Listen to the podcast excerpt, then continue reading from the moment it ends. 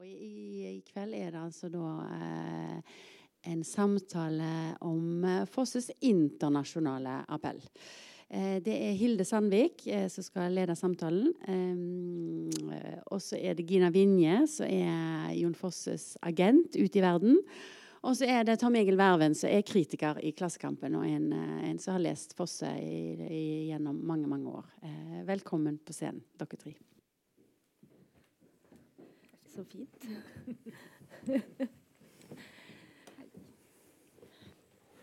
Så sitter vi her. Vi skal snakke altså om inter, den internasjonale appellen til Jon Fosse. Eh, og jeg har faktisk tenkt at dette skal først og fremst være en ganske åpen samtale med to som har stor og lang eh, både erfaring med å lese Fosse og bringe han ut i verden så er det sånn jeg tenker jeg, at denne samtalen her, den er faktisk sånn at, hvis, at det kan være at vi faktisk også skal åpne opp mm. eh, for, eh, for, salen. For å for rett og slett dykke ned i noe som er eh, litt mystisk og nesten mytisk. Eh, og, og, bare sånn for å begynne helt konkret, Gina Vinje eh, vi kom, Når vi snakker om internasjonale appellen, har vi nå et konkrete tall på hvor mange språk Fosse er utgitt på, hvor mange scener. altså Bare sånn at vi får litt det der kvantitative med oss. Jeg kan prøve å gi et sånt ikke-korrekt bilde, for det korrekte bildet fins ikke. tror jeg. Men, eh, og, og, det er jo to forskjellige ting. Jeg er agent for uh, utgivelser alt det som blir utgitt i bokform. Og det kan også være skuespill, men jeg selger ikke Jon Fosses verk til teaterscenene som setter det opp. Det er det en svensk agent som gjør. Hun heter Berit Gullberg og mm. holder til i Sverige. Og holder på lenge. Og holdt på lenge. Hun er liksom starten, kanskje, på den store internasjonale Fosse-dramatikeren. Og det, de tallene jeg har hørt, uh, er at han i hvert fall har vært spilt over 1000 ganger. Mm. Og på rundt 50 språk. Ja. Men det er jo ikke utgivelser. Mm. Sånn som det ser ut på verksiden, eh, så er eh, trilogien og 'Morgen og kveld' de to verkene foreløpig som er mest solgt, de ligger på rundt 20 språk. Mm. Og 20 språk, og da er det Hvor ser vi i verden, da? Bare for å ha det liksom, kartet for oss. På utgivelsen Jeg tror når vi ser på dramatikken bare for at vi, mm. jeg, jeg, snakker jo ikke så mye om den, men den er i, i alle verdensdeler. Ja. Og har spilt i Malawi, har jeg sett. Og, ja. ja. Og i dag nå sitter det en her fra Kina som jeg traff i, på Fossefestivalen forrige uke. Der var en, en oversetter av Fosse til uh, kinesisk mm. som er oversatt. Og det er blitt utgitt mange av hans skuespill i to fantastiske utgaver. Hun har oversatt fra engelsk. Mm. Um, og Jon Foss, Nå begynner jeg å snakke om noe annet, hører jeg, men jeg skal tilbake. Ja, ja. For, fordi det, det, Poenget er at det, at det, liksom, det sprer seg. Det er som En elv er, er det han faktisk skriver. Ja. Så er det veldig mange bekker. Og de holder på. I, i, i, og de, de, smitter hverandre, og de krysser hverandre, og de oppfattes av folk på nye språk. Og ting skjer hele tiden. Og det er en av grunnene til at man ikke hele tiden vet, har full oversikt. Mm. Men når det gjelder prosaen, så tror jeg det, for å lande litt i vår mm. felles samtale, så vil jeg jo tenke at det er de europeiske språkene. Mm. det begynte jo, med, begynte med, Sverige, faktisk, mm. med ja. prosaen. Så mm. ja. før jo, Norge. Man pleier jo å si at han var stor i Sverige før, ja. før Norge. Ja. Han ble omtalt i det som nå er nedlagt, nemlig Bonniers litterære magasin. tror jeg, altså Ganske tidlig på Ja, det må ha vært Midt Midten 80-tallet, kanskje? Ja, eller litt seinere. Litt senere. Okay. Uh, gjennombruddet var jo med Naustet, som er 89. Mm. Ja. Eh, men det er jo via Sverige har jo egentlig ganske mye av den hun eh, Teateragenten hans er jo også svensk. Hun er også svensk. Ja. og jeg tenker Via Tyskland sier vi jo veldig ofte når det gjelder mm. all norsk litteratur, ikke bare Jon, men uh, at de, Tyskland, der ser vi bredden av norsk litteratur utgitt. Mm. Og der finnes nesten alt av Jon Fosse mm. utgitt. Mm. Og i Tyskland så, og Det er jo på en måte ikke lenger kanskje hjertet av Europa, men det er et eller annet Det også sprer seg da til alle de andre europeiske landene. Mm. Det er mye, Jeg har solgt mye Jon Fosse nå til Portugal. Ja, nettopp. Jeg selger han til helt nye språk, og det er veldig veldig gøy. Altså Plutselig så kommer prosaen ut på italiensk. Det har den ikke gjort før, selv om man har spilt mye. Ja. Vi, skal, vi, kommer, men, altså, ja. vi kommer til å snakke om både, både, den måten du jobber på, som er, er enormt interessant. Uh, men bare sånn, helt sånn, hvorfor tror du Tom Egil, at Sverige var det stedet der Jon Fosse på en eller annen måte kunne vokse seg stor ut fra? Var det personavhengig, ja, eller var det en ikke, Jeg husker ikke nå hvem som faktisk skrev om det. Uh, men uh, det er nok noe med at den minimalismen som han står ja. for, altså uh, med få ord, ganske få fakter, mye gjentagelser, at det var noe som fant, fant en gjenklang. Mm. Og at det finner en gjenklang i Sverige, er ikke så merkelig. Du hadde på den tiden tidsskriftet Kris også, ja, ja. Mm. som dyrket på en måte samme type litteratur som Fosse har vært opptatt av. Mm. De hadde spesialnummer om Hölderlin. Ja. Eh, de var opptatt av Celan og Trakel, som han var opptatt av. De var opptatt av den filosofiske tradisjonen etter Heidegger, dekonstruksjonen ja. med Maurice Blanchot bl.a. Eh, sånn at det var, var, nok en vel så stor grobunn for den type ting som Fosse var opptatt av mm. i Sverige, som i Norge. Han studerte jo, Det hører jo med til historien at han selv også tok eh, hovedfag i litteraturvitenskap her i, ja, ja. i Bergen. Og, og, var veldig opplest på de tingene ja. mens han skrev litteratur hvor du egentlig ikke ser så mye spor av det, bortsett fra sporene av Beckett. Da. Mm. Bare tenk, tenk, når du nevner de, det som preget Sverige på den tiden, tenker du det da til forskjell fra Norge, eller? bare sterkere Nei, enn Norge. Forskjellen var jo ikke så kjempestor. Altså, Arne Melberg, som var min ja, veileder min også. Han var jo svensk og kom fra, fra miljøet rundt Kris. Mm. Så det var mer en utveksling. Horace ja, Engdahl, ja. Engdahl, som seinere mm. ble medlem av Svenske Akademien, mm. han jeg husker at jeg satt her og spiste frokost med han i 1998, og han spurte om det var noen nye forfattere som han burde være oppmerksom på. Mm. Og da nevnte jeg en som het Jon Fosse. Mm. Det har ikke satt noen synlige spor så langt. Men, og jeg tror nok han hadde hørt om han eh, uavhengig av det jeg sa. da. Eh, men, men, det var jo en utveksling mellom Norge og Sverige ved at uh, man hadde forelesere på tvers av, av landene. Ja. Anders Olsson, som nå prøvde å redde Svenske Akademien i mm. denne striden som har vært de to siste årene, mm. han har jo skrevet en nydelig bok som heter 'Lesninger av intet'. Uh, som uh, på en måte beskriver hele det omlandet rundt Fosse. Ja. Altså uh, forfattere som på ulike måter er opptatt av det mystiske intet som er midt inne i teksten. Og som Fosse skriver om helt fram til septologien. Mm. Ja. Dette er kanskje helt på sida, men jeg har jo av og til tenkt som nynorsking at nynorsk og svensk eh, har mye likere både klang og rytme i seg enn bokmål og svensk.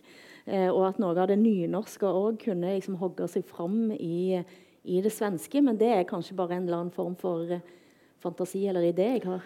Nei, jeg tror ikke det er så gærent tenkt, altså. Uh, jeg tenkte, når jeg leste den boka til Anders Olsson for uh, snart 20 år siden, så tenkte jeg at noen av de forfatterne som han skriver om der, altså Miriam Tuominen f.eks., ja. Eh, er forfattere som ligner veldig på Fosse. Og det, og det er jo noe med den, den musikaliteten som fins i Fosses nynorsk, mm. tror jeg nok kunne klinge vel så godt på svensk som på bokmål. Mye bedre, vil jeg påstå. Ja, antagelig. Men Gina, du er, eh, du er jo nå, i, nå er du Fosses agent. Og du har Det ene er at du har eh, på mange måter, når du jobba i Aschehoug, eh, var med på å få både Knausgård og Per Petterson ut i verden, mm. så i Norla. Og jeg vil våge den påstanden, det trenger ikke du kommentere, at, de, at din, din rolle eh, for å få norsk litteratur ut i verden har vært helt uh, uvurderlig. Eh, og at det at Norge nå er representert i Frankfurt sånn som det er, eh, at du har mye av både ja, altså kan takkes for mye av det arbeidet som er gjort. Eh, og så er du tilbake igjen nå, og så, og så er du liksom Jon Fosses eh, agent. Og Hvis vi da hopper Vi, vi skal liksom ta for oss hele og prøve å snakke om eh, hva er det da i Fosse som klinger ute i verden. Men hva er det du Du har klart å selge nå septologien før egentlig noen har lest sånn skikkelig. Mm. Eh, og hva, hva, er det du selger da, egentlig? Godt spørsmål. Et rykte? Nei da. Um, da jeg var Norla-sjef, det er kontoret for norsk litteratur i utlandet, da var Jon Fosses forfatterskap altså, Han er en svensk teateragent, så hadde han tysk, et tysk agentur for prosaen som da ikke leser norsk, og som ikke kan forholde seg til verken det svenske eller det norske som vi har snakket om her nå, men veldig til selvfølgelig de tyske oversettelsene. Og der var også Jon Fosse godt representert og veldig veldig godt oversatt. Det er en fantastisk oversetter. Mm. Men da kjente jeg at her er det et stort omland som vi i Norge går glipp av. Mm. Fordi veldig mange av Fosse-samtalene rundt prosaen da, igjen som jeg tenker på, foregår der ute et sted, men vi er ikke helt på. Vi kjente ikke så mange oversetterne. Det skjedde veldig mye med Jon Fosse som vi aldri helt rakk å, å forholde oss til. Fordi det, periode tenker du på nå? Det var, den, det var de fem årene jeg var Norad-direktør. Mm. Det var fra 2005 til 2010. Ja. Ja. Så, så, det var mer en sånn observasjon. Så da jeg hørte en podkast for noen år siden nå, at han skrev på prosa igjen og ville sa litt farvel til dramatikken Det var Hallgeir Oppedal sin Hallgeir Oppedal ja. sin fantastiske samtale. Jeg syns mm. den var veldig, veldig god. Det sto strøk. Jeg husker det helt sånn. Og så tenkte jeg nå, Og han sier at han skal skrive et uh, langt verk. Han vil skrive langsom prosa. Jeg hadde begynt å leve et langsomt liv. Det tenkte at nå er tiden her. Det er bra hvis vi kan få, få, det inn til Norge nå og jobbe med dette herfra. Mm. Uh, så det var minst, eller en, en, av flere starter, selvfølgelig. Det er alltid mange ting. Men da var jeg skal være veldig ærlig og si at da var allerede septologien i ferd med å bli solgt til engelsk. Mm. Gjennom en oversetter. Og de som er de første leserne for forlag i utlandet, det er, som ikke det er jo noen få forleggere i verden som leser norsk, men det er ikke mange. Det er en del som har lært seg norsk pga. Hamsun, pga. Ibsen og pga. Fosse. Uten tvil. Så hans oversetter til engelsk, han er amerikansk, han har lært seg norsk. Han er ikke supergod i norsk, men, og da kan man ha et eget seminar om hva er det å oversette. Men han gjør det med hjelp av Jon Fosse sjøl. Og han har skaffet Jon Fosse et fantastisk engelsk forlag. Og da, over, da er det en, til, et, en, kjennskap til forfatterskapet. En trygghet på en tematikk, at en tematikk er interessant. En, eh, kanskje til og med en, eh, en, glede ved å være med på noe nytt. Mm. Å være med på å, å, å, å, berede grunnen for et nytt verk som skal komme ut. Det har jeg opplevd veldig sterkt nå med septologien. Mm. Og det er ikke én av Jon Fosses forleggere. Det er liksom forskjell på å selge septologien i 1250 sider. Det koster en del å oversette. Eh, skal komme over tre år i Norge, enda lengre år ut i verden stort sett. Men det er, ikke, det er ikke en stor bragd å selge det til mm. Tyskland, f.eks., hvor alt annet allerede fins. Det som er viktig da, er jo å skape, og som vi kanskje får til nå med dette som skjer her, med Fossefestivalen i Oslo med hans 60-årsdag i morgen, det er jo en, sånn, en fornyelse. Et, et, nye blikk inn på forfatterskapet. En, en, en sultenhet på hva, hva, og hvor går han nå? Og den sulten tror jeg på et eller annet vis er. Jeg erfarer den. Så i, om to uker i Frankfurt så kommer septologiens første to bind, som vi kan lese på norsk. De samme to bindene kommer ut samtidig da på tysk. Jeg husker aldri alle språkene, men jeg vet det. Tysk og dansk og um, spansk, nederlandsk, engelsk, ungarsk. Så er det videre solgt til fransk og, og slovensk og um, fransk fantastisk forlag som aldri har utgitt en norsk forfatter før noensinne. Mm. Prestisje, prestisje. Kjøpte hele verket. Mm.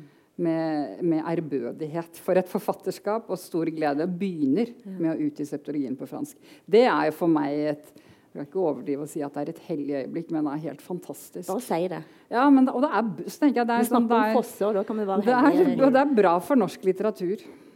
Hvorfor har ikke det skjedd i Frankrike før? For det var jo et av de to landene hvor han virkelig slo igjennom som dramatiker. Det ene var Tyskland, med Thomas Ostermeier, mm. som satte han opp. Ja. Og så var det Claude Regi ja. i Frankrike. Og det, nå, og det, er nå, 20 år siden. Ja. Så hvorfor har det ikke skjedd før? det er litt sånn, det er, det er veldig, litt ubehagelig også, fordi han har vært utgitt på et bitte lite fransk forlag. Så det er kommet ut mye av prosaen, og mye av dikt og essays til og med. Og er, men et så lite forlag at det på en måte ikke har hatt noen muskler. Og, da, og, når da dramatikeren Fosse har kanskje av og til i noen land også stått i veien for prosaisten mm. Fosse, det tror jeg. Og, og, og, ting har sin tid. Så kanskje er det helt musikalsk riktig, og kanskje er det bare helt fantastisk at det er septologien som nå kommer ut på dette store forlaget. Mm. Og så kan vi håpe Så er det min jobb som agent. da, mm. Å jobbe frem noe av backlisten hans, altså mm. altså det som allerede fins, og se om vi kan få det mm. revitalisert på nye måter. Men Du snakker jo om forvaltning. men kan, altså, hva er det, da? Eller du skulle si noe mer interessant? Ja, jeg bare kom på at uh, Før vi haster liksom langt inn i uh, dramatikeren og prosaisten Fosse Det er fort gjort å glemme at han også har et stort uh, diktverk. Har, ja. Selger det noe i utlandet i det hele tatt? Dikt i utvalg ja. fins på flere språk. Ja. Og, og, det er jo ikke um, enkelt. Da. Og det er jo f.eks. ikke penger i det. Mm. Men, eh, det er, men det fins. Og det er, en, det er, noen årer, hvis vi skal holde oss til dette, denne bek mm. bekkenmetaforen. Og, og, jeg er helt sikker på at vi kunne ha solgt mer dikt hvis vi ikke trengte å tjene penger tilbake. Mm. hvis du skjønner. Og jeg tror også at det poetiske språket, som jo Jons Fosses mm. prosa er mye av i prosa nå, mm og som snakker med annen prosa i verden. Det er jo det som er så fint når ting kommer ut i oversettelse, at uh, samtalen mellom det litterære blir mye større og rikere. Men altså, det er denne, altså den internasjonale appellen. Altså Én ting er å skrive et verk som, som, kan suse ut i verden og få forsider. Og, uh, men når vi snakker om appell, så er det jo noe annet. For det, da er det noe som skal vedvare. Og hva er det da i Fosse som treffer såpass bredt at det både liksom kan slå an i Tyskland og nå over på engelsk, selv om det har tatt veldig mye lengre tid? da? Det er jo en, en språklig enkelhet som jeg nok tror betyr noe. Uh, det at uh, disse tekstene er skrevet i en tid hvor teatret forandret seg. Ja. Uh, fra et mer tekstbasert teater til et mer regibasert teater. Ja, ja. Som disse tekstene til de grader åpner for. Ved at de har store rom i seg. Mm. Altså, Fosse sender personer ut på scenen som heter han mm. og hun. Mm. Mora, dattera. Sånne, sånne Da kan vi alle speile oss i ja, og det er på en måte Det er ganske åpent hva som skjer. Altså, er, I Norge så er vi vant til Ibsen, som har kan ha en halvsides med eh, sceneanvisning. Ikke bare på begynnelsen av stykket, men gjerne midt inni med hvordan, hvor skapet skal stå, for å si det enkelt. Ja, ja. Uh, hos Fosse er det ikke noen regianvisninger i det hele tatt. Mm. Og det er, som vi, alle som har sett et Fosse-stykke, vet at det er også lange pauser. Mm. Personene avbryter seg selv uh, på måter som du må måte fylle ut. Enten regissøren eller skuespilleren, eller gjerne publikum. Mm. Jeg tror at på en måte kan du si at disse stykkene kom i rett tid. Da. Mm. Fordi det fantes en haug med regissører som var sultne på den type teatertekst å jobbe mm. med. Mm. Og så har han jo utviklet seg fra stykke til stykke. Altså, 'Noen kommer til å komme' er jo et ganske sånn Selv om det ikke er rent realistisk, så er det ganske realistisk sånn i hvert fall i tid. Mm. Sammenlignet med seinere, mer avanserte stykker. Mm. Som 'Draum om Hausten', f.eks. Hvor tiden, de forskjellige tidsplanene flyter i hverandre. Og det er noe som Fosse har utviklet mens han har jobbet med dette. At uh, selve konstruksjonen av stykkene er blitt mer og mer avansert. Og, og, og, sånn sett også stiller krav til de som skal sette det opp. Mm. Men det er jo, det er jo, du snakker om altså, det at Fosse leses annerledes, og at eh, Bare la det la det ringe ut, tror jeg. Går det an å skru av den mobilen? Det blir ikke oss. Nei. Det er, dette er noen som kommer til å komme, helt garantert. Kommer til å ringe. Jeg tenkte på en ting. Det er jo når vi snakker om appell ja. uh, og er det Ja da, vi snakker videre. Ja, da. Går, vi tåler det. Ja, så, så og, og, det du sier om, om dramatikken, det, veldig, det, tror jeg er veldig riktig, uten at jeg helt vet det. Men, men, og mye av det stemmer jo også med prosaen. Mm. Um, jeg tok en liten sånn survey, heter det det på engelsk? Ja, sånn uh, undersøkelse blant noen av de som oversetter Jon, og som kjenner forfatterskapet langt bedre enn meg. Og de er jo kanskje de aller mest kritiske av alle lesere. De sitter og nærleser teksten og jobber med den i år etter år etter år etter år. Det er veldig interessant å snakke med dem om hans forfatterskap. Mm. Og Hinrich Schmidt-Henkel, den tyske oversetteren, sier liksom, Han hadde tre linjer da, til meg. Sånn, det er helt altså, vi kan egentlig bare glemme det norske fosset. Det er viktig for oss, fordi vi er norske. Mm. Men det er like viktig i Kina, i Japan, i Korea, i Latin-Amerika. Og, og fosset spilles jo og leses, som vi snakket om tidligere, på alle disse språkene. Og det er jo fordi de reiser mm. direkte inn i en helt annen natur, kanskje. en helt annen, Men det er han mm. og hun og mora og dattera mm. osv. der også. Så det var hans poeng. Hans oversetter til Ungarn, hun bor i Oslo, hun eh, jobber på Universitetet i Oslo. Hun, hun sier at Fosse er liksom en av de få samtidsforfatterne som er uh, referanselitteratur i Ungarn, og er mm. inne på pensum på videregående skole. Mm. Og da er det jo noe som treffer utover hva vi mm. Jeg tør ikke helt å vite, mene så mye om det, men, men, det er noe med å registrere det. Men hva er det da, tror, hva tror du, Tom Egil? Altså Hvis vi skal tenke litt høyt om akkurat dette. Ja, altså Hvis det er noe Jon Fosse ikke vil bli kalt, så er det samfunnskritisk forfatter. uh, og det skyldes jo til dels det at han er født i generasjonen etter ML-forfatterne og mange andre forfattere som var uh, ja, som, som, har drevet med det hele tiden mens han har levd, og som fortsatt skriver på den måten. Mm. Kjartan Fløgstad, som ikke var, er ML-er på noen som helst måte, men men som har vært forfattere han har skrevet seg i opposisjon til. Ja. Uh, men jeg synes det var en interessant ting når Samlaget ba den svenske kritikeren Leif Cern om å mm. skrive en bok om Fosses dramatikk. Ja. Så fremhever han nettopp den samfunnskritiske Fosse. Ja. Uh, og da bruker han uh, en fransk teoretiker som heter Alain Ehrenberg, mm. som har skrevet om, om det moderne individet. Mm som Leif Cern mener han kjenner igjen i Fosses stykker. Og det er den utslitte mannen mm -hmm. som ligger på sofaen, og som ikke orker å ta seg til noe som helst. Mm. Tilfeldigvis så heter han også Asle og finnes midt inne i septologien. Mm -hmm. uh, og denne Asle kjenner vi jo igjen fra flere teaterstykker. I En sommers dag så har han tatt livet av seg for lenge siden, mm. og kvinnene rundt ham savner han. Ja. Men uh, Ehrenberg beskriver da dette som, som et, eh, et, subjekt, eller et jeg, som er trøtt av å være seg sjøl. Ja. Og Leif Sern mener at det treffer godt, og det er jeg veldig enig med ham i. Ja. Og det er noe veldig allment mm. som gjelder mennesker i ja, Vi kjenner jo særlig europeiske samfunn, da. men det er tydelig at dette kan man også kjenne seg igjen i andre deler av verden. Mm.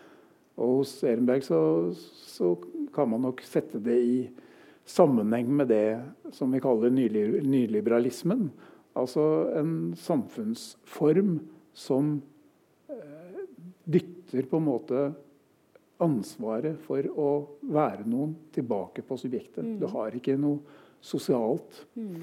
Altså, samtidig med dette så sa jo Margaret Thatcher there is no such thing as, as society. society. Mm. Uh, og, og, der Fosse skriver seg også på en måte inn i dette. da. Du hadde en liten, når vi snakket her før i dag, eh, så tenkte du på Rachel Kursk. Ja. Som er jo en av de første som, eh, som på en måte bringer Fosse da ut i et britisk eh, publikum. Eh, og sammenligner litt de to som skribenter. Og det syns jeg var interessant. Ja, jeg skrev jo litt kritisk om dette i Bokmagasinet. Nå har jeg jobbet en del med septologien siden da, så jeg har kanskje blitt uh, enda litt mer mildere stemt. Da. Men da når jeg leste septologien første gang, så leste jeg den parallelt med hennes tre romaner, ja. som altså heter 'Omriss'. Nå har jeg glemt hva den i midten heter. Og så er det 'Kudos' til slutt. Ja. Ja. Mm. Altså en trilogi som ble fullført på norsk. Hva? Transit, mm. Transit heter den midterste. Mm. Det hun gjør i de romanene, er at hun også skriver om eh, det jeg vil kalle flytende subjekter. Altså, mm. hun skriver Rachel Cusk, da, eh, som altså er en kanadisk-britisk forfatter på, som er eh, fem år yngre enn Fosse. Hun skriver om en forfatter som reiser rundt og holder forfatterkurs. Og, mm. ja, hun er på en måte litt sånn skriveskolelærer, som mm. vi skal høre om her seinere i kveld. Mm. At Fosse også var. Og så skriver hun om de hun møter på flyet, på flyplassen, i drosjen, uh, og ikke minst elevene. Da. Helt sånn spontane samtaler som mm. kan oppstå. Uh, og Det som jeg ble fascinert av der, det er hvordan hun beskriver et subjekt som på en måte nesten ikke finnes, men som bare blir til i disse samtalene. Speiles, altså Det blir omriss, som det er jo helt konkret. Ja. Du blir på en måte bare speiler ja. omgivelsen. Men det, ja, for de, og de er jo nyskilte, da, mange av dem. Og de har De har liv som er tunge og vanskelige. Og, og jeg tenkte da at er ikke det der mye mer interessante romaner enn septologien? Og, og ville ikke hvis Fosse da istedenfor å gå tilbake til melankolia 1-2, mm. som jeg opplever han gjør, og, og, og tar opp temaene derfra, eller at han, han, han, borer på en måte nedover i sitt eget materiale. Hvis han hadde snudd seg litt rundt og gjort noe annet, så hadde det kanskje vært mer interessant. Mens når jeg da har lest septologien en gang til, i mellomtiden, så blir jeg kanskje litt i tvil om mine egne første vurderinger. Men det er sånn det skal være da, ja, ja. i møte med god nei, litteratur. Jeg tenkte, når du sa det, så tenkte, prøvde jeg å liksom tenke ok, hva er den en da leser inn i Fosse. Og du sier at, den, at Fosse kan leses på og, og ses nærmest speiles der han er. Og, og at det, er, det å fylle inn òg f.eks. gudsforståelsen, metafysikken mm Altså mm. Ting som en ikke egentlig er så veldig opptatt av i norsk offentlig debatt, f.eks. Det tror jeg absolutt gjelder Fosse, som, og det gjelder av de som skriver i et, et i, til enhver tid i, i, eller i perioder hvor vi har liksom noen sterke trender.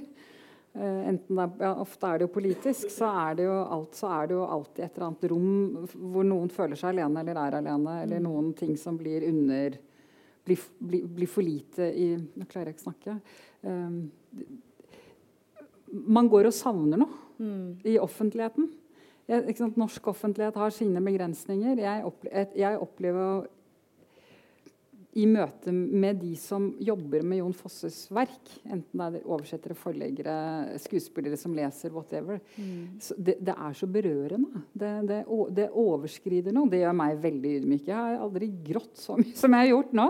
Fordi jeg blir rett og slett veldig slått av det alvoret og den mm. måten det han skriver, når folk på. Mm. Kan du beskrive det? Hva er det? Ja, ikke sant? Og hva er det? Mm. Det er jo sikkert ulikt. Jeg er ikke teoretiker som deg, men, men jeg, ser at, jeg, jeg, tenker at det er en Det er både det som er kanskje det mystiske. Mm. At, det en, at, han, at, han, bringer frem en erfaring på et eller annet vis som når andre kunstnere. Som når kunstnere som bruker hans verk videre i sin kunst. Det ser vi jo. I musikk, i billedkunst, i det, det, reiser videre, tar andre former. Og da er det både noe nytt som kommer inn, men det er også noe som er en impuls som er der. Mm. Jeg, jeg, jeg, bare erfarer at det er der. Vi snakket litt om hva har appell? Mm. Hvis, det er sånn Det er helt i orden. det er i orden. Sikkert viktig. Det er livet. Det er livet, ja. Det er livet. livet banker på. Mm. Eh, nei, jeg tenkte på, hva er, Hvis vi ikke skal tenke i det lille, men i det store, så er det jo verdenslitteratur da, som er, eh, er Fosse mm. verdenslitteratur. Kunne vi jo nesten ha kalt dette. Mm. Hvis den internasjonale appellen er så stor at det en dansk kritiker i Viken-avisen skrev etter um, at han fikk Nordisk rådspris i 2015 for trilogien, eller det som blir hetende trilogien. Uh, det, dette blir lest om 500 år. Mm. Da er det, det, er, det er ganske Det er lenge til. Det er lenge til.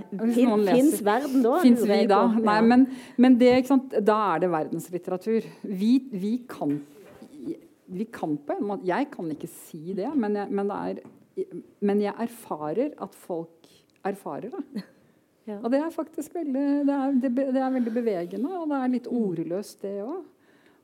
Jeg tenkte jo det når jeg leste septologien, men jeg syns det var litt dumt å skrive det sånn med en gang. at det, det, dette verket har jo faktisk større sjanse for å bli lest i Sør-Tyskland og Frankrike enn i Norge.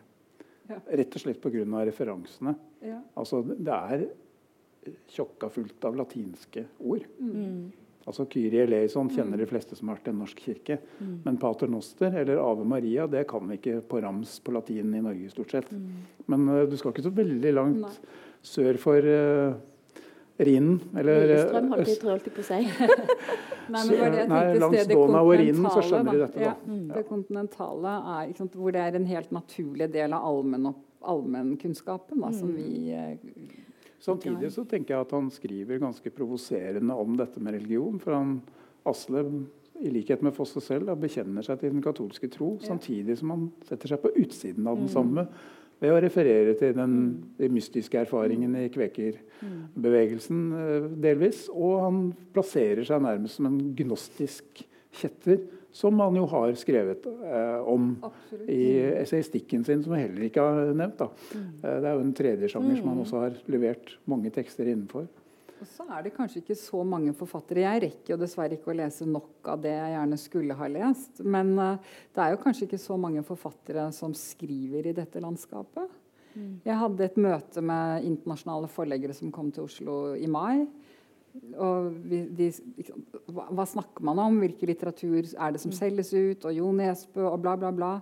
Så, så, tok jeg en sånn helt annen vri, og så snakket jeg med Jon Fosse om, og om de verdiene jeg leser inn i det. Så ble det helt stille, og så var alle interessert. Og jeg er helt sikker på at derfor kom han til det fantastiske franske forlaget Via Via.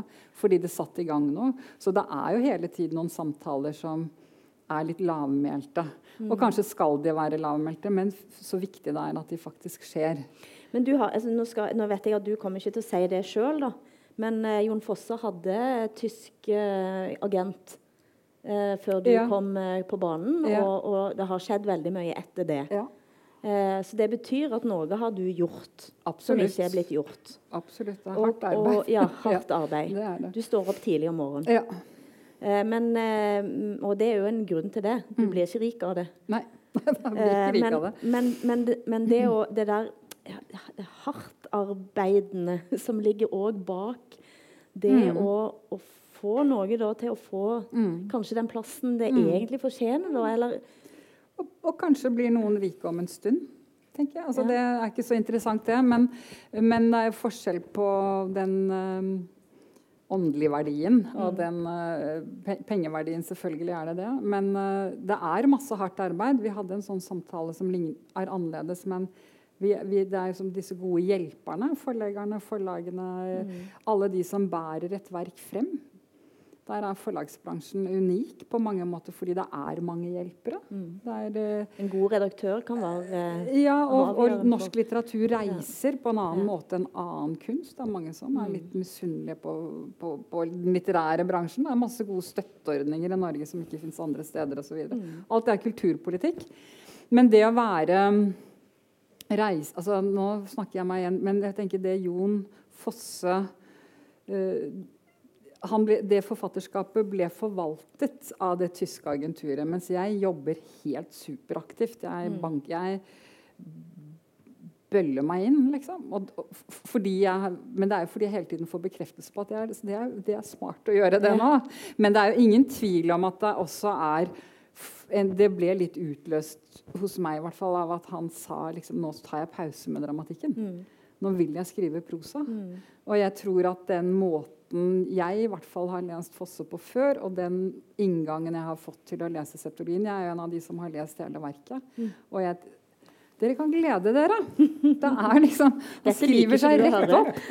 ja, det som vi kunne jo framheve her, er jo at Fosse faktisk driver litt som deg, da, med at han uh, er også en litteraturformidler. Mm. Ved at han oversetter. han oversetter. Og det, det tror jeg har Altså det at han helt fra starten av forfatterskapet har stått i veldig aktivt forhold til mm. særlig tysk litteratur, ja. mm. men også uh, på andre språk. Ja. Og han oversetter altså selv eh, klassikere, ja. både skikkelig gamle klassikere og helt moderne klassikere.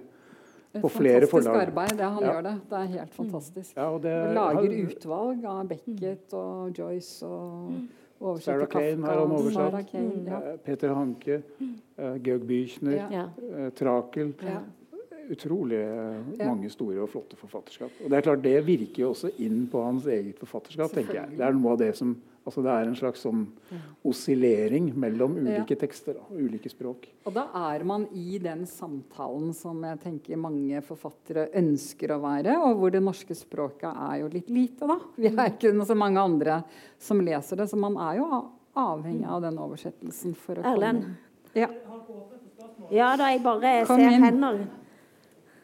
Nei, Dere snakket veldig mye om liksom, det åpne og liksom, universelle ja. ved Fosse. Og at liksom, noe der hans internasjonale appell ligger. Men jeg tenker om, Ned har noen tanker om det motsatte. Ja. Nettopp er det partikulære mm. og lokale mm. som gjør Vestlandet. Og den insisteringen på, på, det lokale og på det partikulære. Mm. Lurer på om Pernille har noen tanker om det. Så et spørsmål til. Om Pernille tror strategien er skrevet med mm. akademien som adresse. tror jeg ikke. Nei, altså Til det siste kan jeg ikke tenke meg at nei. Jon Fosse tenker på den måten. Eh, så nei. Vil han egentlig ha den? Men det er noe. han skriver 1250 sider. Det, et... altså det, det, at han ikke fikk Nordisk råds eh, litteraturpris for 'Morgen og kveld', viser jo med stor styrke at man ikke kan beregne seg til slike ting. Ja. Men det andre som jeg, som jeg hadde Det var det godt du sa det. For Vestlandet har jo, det klinger jo inn. Det er så deilig. Ja. Kan jeg svare først? Ja. Jeg snakker jo ikke nynorsk. Og jeg er jo ikke fra dette praktfulle området her. Um, så jeg tenker at det veldig lokale jeg, eh, Per Petterson, for å ta en annen forfatter som er eh, bra i utlandet, som jeg har jobbet en god del med ute og stjele hester, har jo også noe av et sånt ekstremt lokalt, bitte lite sted. Mm. Som er helt sitt eget lille, unike univers. Et, en liten relasjon mellom en far og en sønn. Og begge, og, jeg, og begge to kjører nå mer og mer bil. Mm. Ja, det gjør de. det stemmer veldig. Men jeg tenker det er ingen motsetning. Det er egentlig hele svaret. Det, for at det skal bli åpent og stort, så ofte så er det også en forutsetning at det er, at det er samtidig eh, så partikulært. Det er jo noe, vi må svare på spørsmålene ja, før det. Men bare, ja. bare Jeg glemte å si dette når jeg stilte spørsmålet. Det blir et element av en skandi eksotisme i dette Mm. Det er også en del av en bølge der, mm. der Frankrike og Tyskland er mm. sted i Skandinavia. Mm. Jo, men Sånn har det jo vært siden 1800-tallet. Mm. Altså Pga. visse malere som uh, var i Dresden og Düsseldorf f.eks. Mm. Så hele den norske nasjonalromantikken ble jo til i samarbeid med tyskerne, så å si. Og dampbåtene gikk da helt opp til Svalbard. Altså Kurt Schwitters, som jo er stor i verden og ikke så, så stor i Norge, han, han dro jo først med, med sånne cruiseskip mm. langs kysten før han oppdaget Molde og slo seg ned der. Mm. Som Karin Hellandsjø nettopp har utgitt ja. to fine bøker om. Nei, så Det er jo en del en lang historie. Men, men det er klart, altså Fosse har jo sånn element av å være uberørt natur, tenker jeg. Mm. Og det kan, kunne han jo heller ikke beregne seg til. At han skulle liksom ja, jeg tror jeg, jeg blir født i Haugesund, men jeg tror jeg slår meg ned i Hardanger. For her mm. er det her er det flest franskmenn og tyskere som kommer om noen år. liksom. Uh, men han, han, han, er jo i et landskap som er et av verdens mest attraktive for turisme. Mm. Som jo dere her i Bergen og Geiranger og tilsvarende steder lider under. Uh, og det er også tilfeldigheter. Men, uh, men, det, men, det, men altså, han, han, er jo en unnskyld uttrykket, jævlig sta forfatter. Ja, som bare blir, som blir der han ja. er. Mm. Men jeg tenker to ting til, altså For det ene er at sånn som jeg jobber, og har jobba med det i mange år det er, det er, Heldigvis. Det fungerer ikke sånn. Du kan liksom ikke Kanskje kan du det litt i en eller annen kommersiell sjanger, holde på med noen sånne mm. Planlegge noe. Men det jeg jobber med, og det vi snakker om her, er det, det er så det, Heldigvis så er det så basert på at mange snakker sammen. og og Det er så mange av disse bekkene. Så det er liksom litt irrelevant, for å si det sånn på en god måte. Da. Men det partikulære, vi snakket jo om det der med f.eks.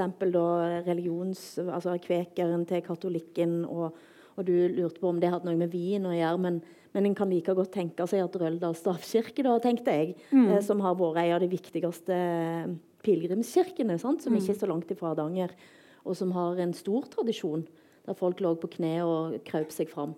Eh, som òg er Vestlandet, da. Veldig Vestlandet.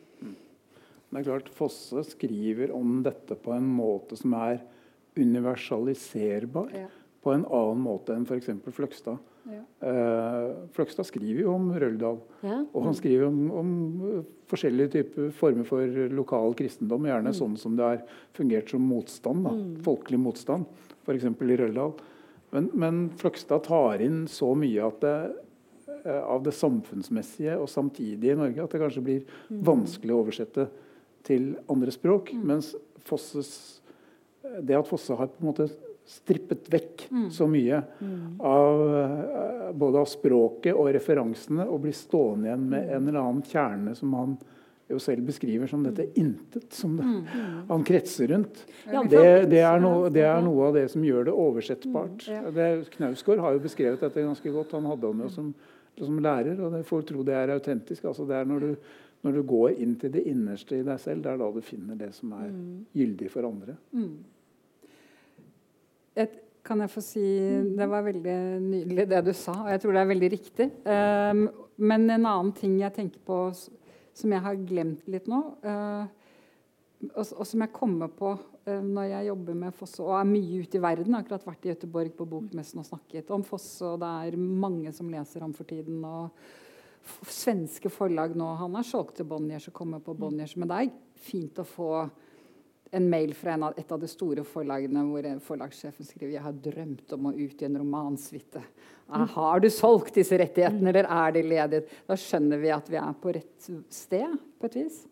Men det jeg skulle si, er at jeg, jeg har ikke rukket det. Men vi er litt sånn norske i det. Vi er hele tiden litt her. Hvis jeg hadde ramset opp for dere 17% av alle de prisene han har fått, alle de begrunnelsene han har fått, æresdoktor i Kina, Dresden poesipris Det er veldig sjelden det handler om Norge eller Vestlandet eller Strandebarm. Så det handler nesten alltid om noe annet som er litterært litterært. Og, og har sin egen begrunnelse i seg selv, i verkets uh, egenverdi. Og det er ekstremt mange priser han har fått. Mm. Og, og, norsk offentlighet har vært veldig Og det, det er liksom til oss alle, og, som jeg merket et lite snev av da i Norla, men, og som fortsatt er Han er mye større ute enn vi vet. Mm. Og det er litt rart. Og, og, kanskje er det også litt norsk, da.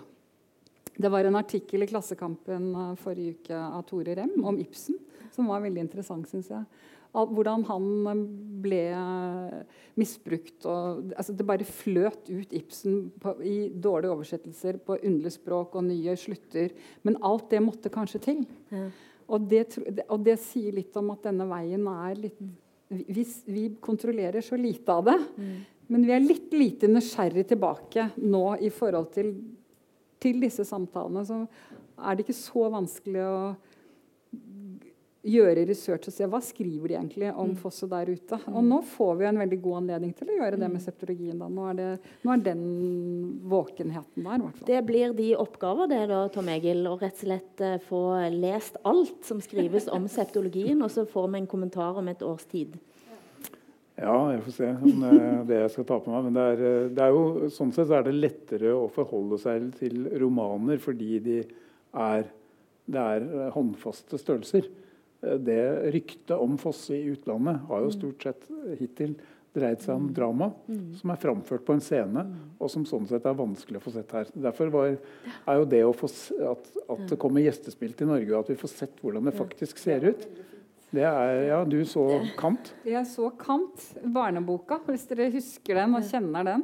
En fantastisk lite fransk kompani som har spilt den forestillingen i fire-fem år.